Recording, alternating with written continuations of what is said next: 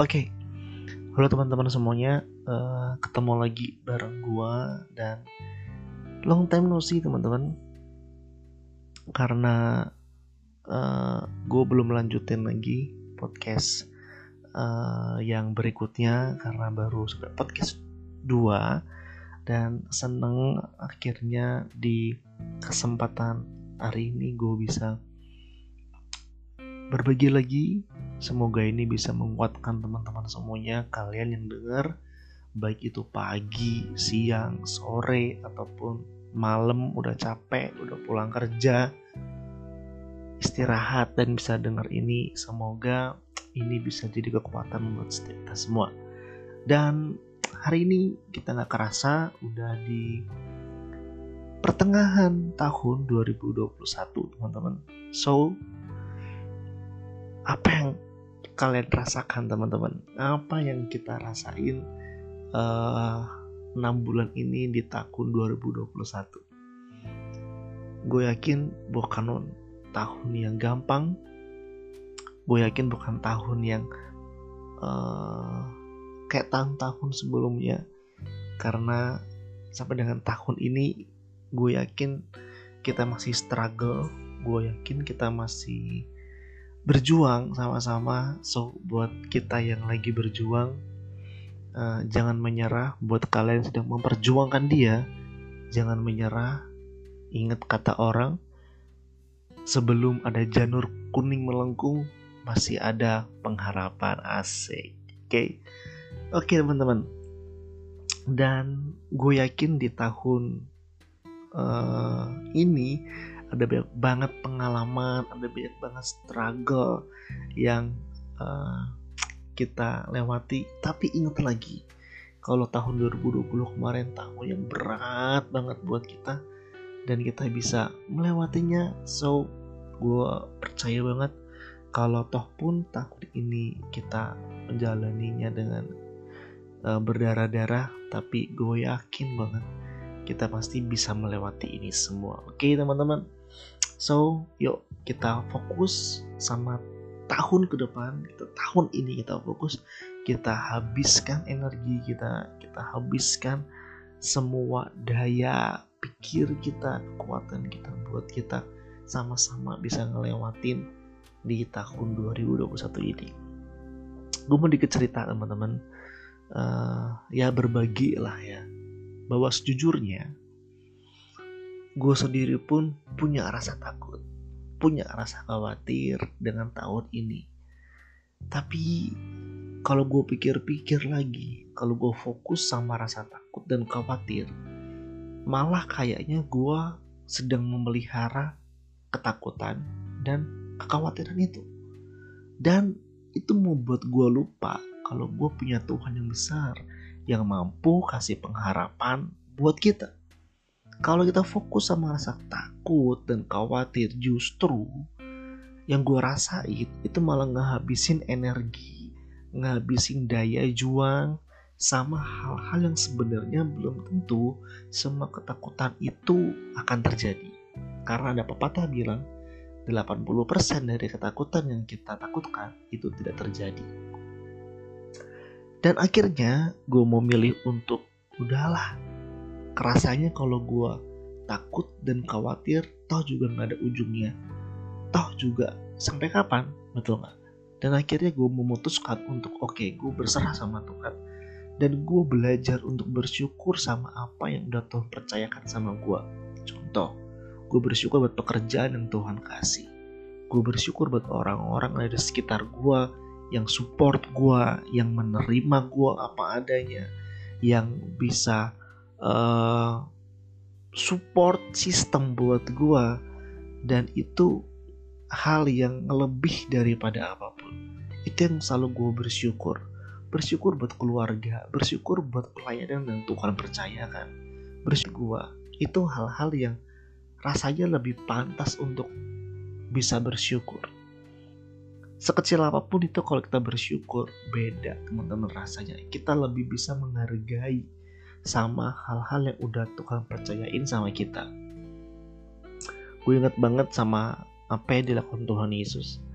Kalau kita baca di Yohanes 6 ayat 11, di situ ada roti terus dia mengucap syukur sama Tuhan dan akhirnya terus bagi-bagiin roti itu kepada orang banyak kemudian waktu dia bagi-bagikan itu teman-teman mereka makan sampai puas walaupun cuma ada lima roti dan dua ikan dari bekal seorang anak kecil coba kita pikirkan. Anak kecil pasti makannya nggak banyak makanya mamanya kasih lima roti dan dua ikan. Karena nggak nggak berpikir bahwa itu untuk kebutuhan 5000 orang laki-laki. Belum perempuan belum anak-anak. Tapi di situ Tuhan Yesus mengucap syukur dan bikin 5000 orang laki-laki belum wanita belum anak-anak itu bisa makan sampai puas kenyang gila benar nah dari sini menurut gue rasa puas itu tercipta dari ucapan syukur jadi apa kepuasan kita kita puas kalau apa nih? Kita puas kalau A, kita puas kalau B. Rasanya itu nggak pernah ada endingnya. Tapi dari sini gue belajar bahwa rasa puas tercipta waktu kita bersyukur. So, yuk belajar untuk mengucap syukur dalam segala keadaan. Sama-sama kita belajar.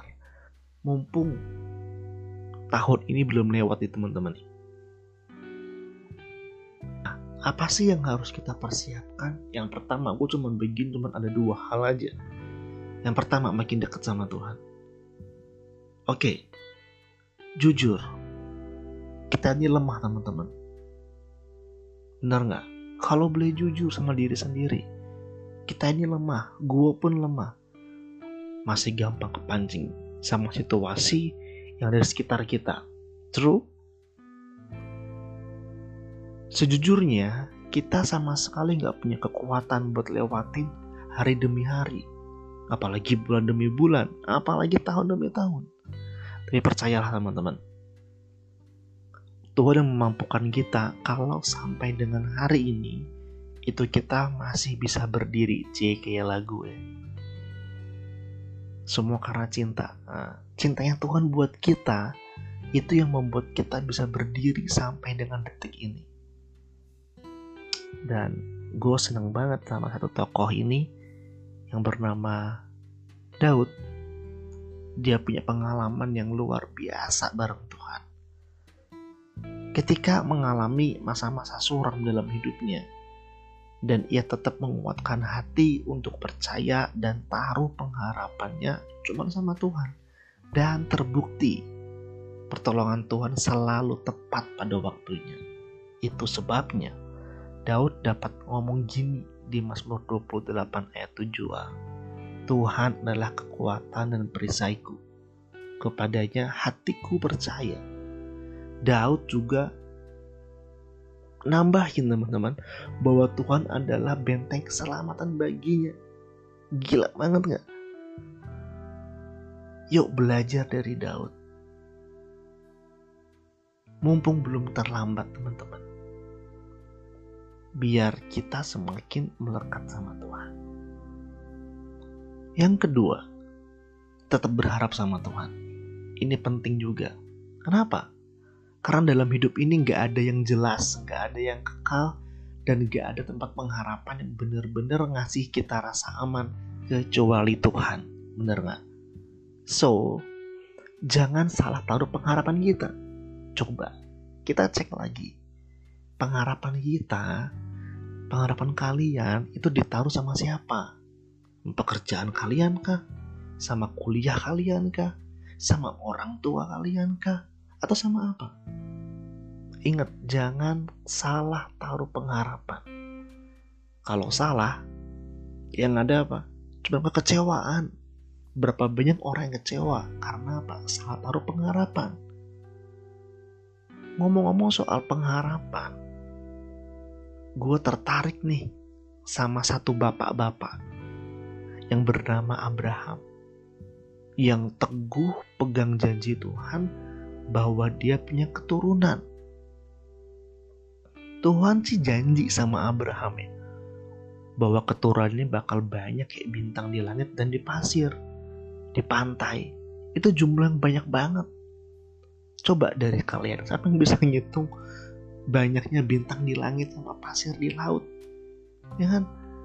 Emang Tuhan tuh kalau jadi nggak pernah setengah-setengah ini Tuhan yang gue kenal teman-teman. Janji Tuhan sama kalian itu nggak pernah setengah-setengah. Dia kasih dia keren banget, ciami. Yang pertama, janji Tuhan tentang Isa. Itu datang ketika Abraham berumur 75 tahun. Yang kedua, ketika Abraham umur 85 tahun.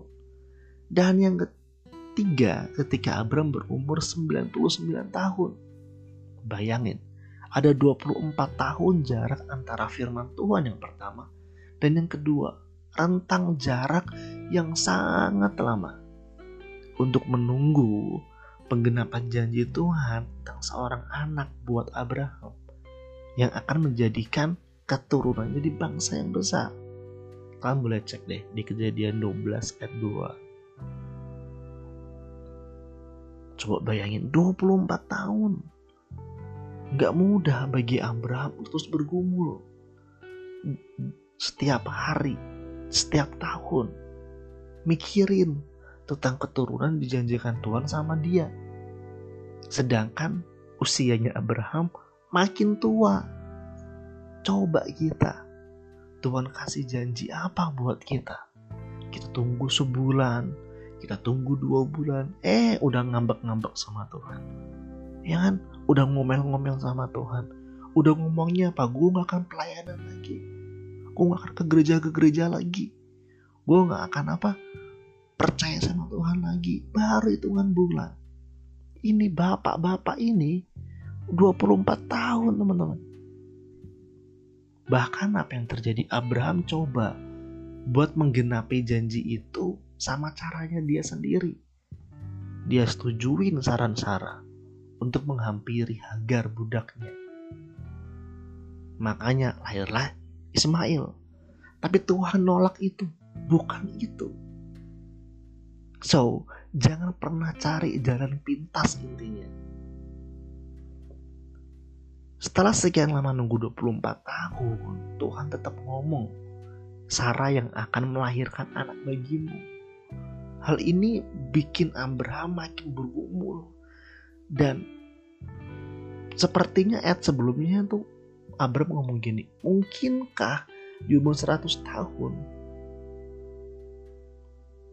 dikasih sedangkan Sarah umur 90 tahun. Ini tuh hal yang mustahil, bahkan hil yang mustahil. Saking mustahilnya. Kemustahilan ini yang dijawab Tuhan.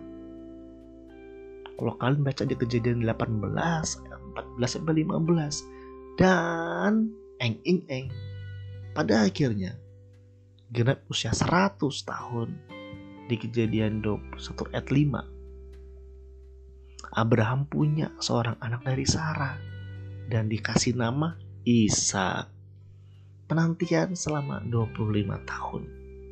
Sejak firman Tuhan pertama kali datang sama Abraham menghasilkan sukacita dan ucapan syukur yang gak pernah henti-henti dari Abram dan Sarah di ayat yang ketujuh. Teman-teman, 25 tahun itu masa penantian yang gak sebentar.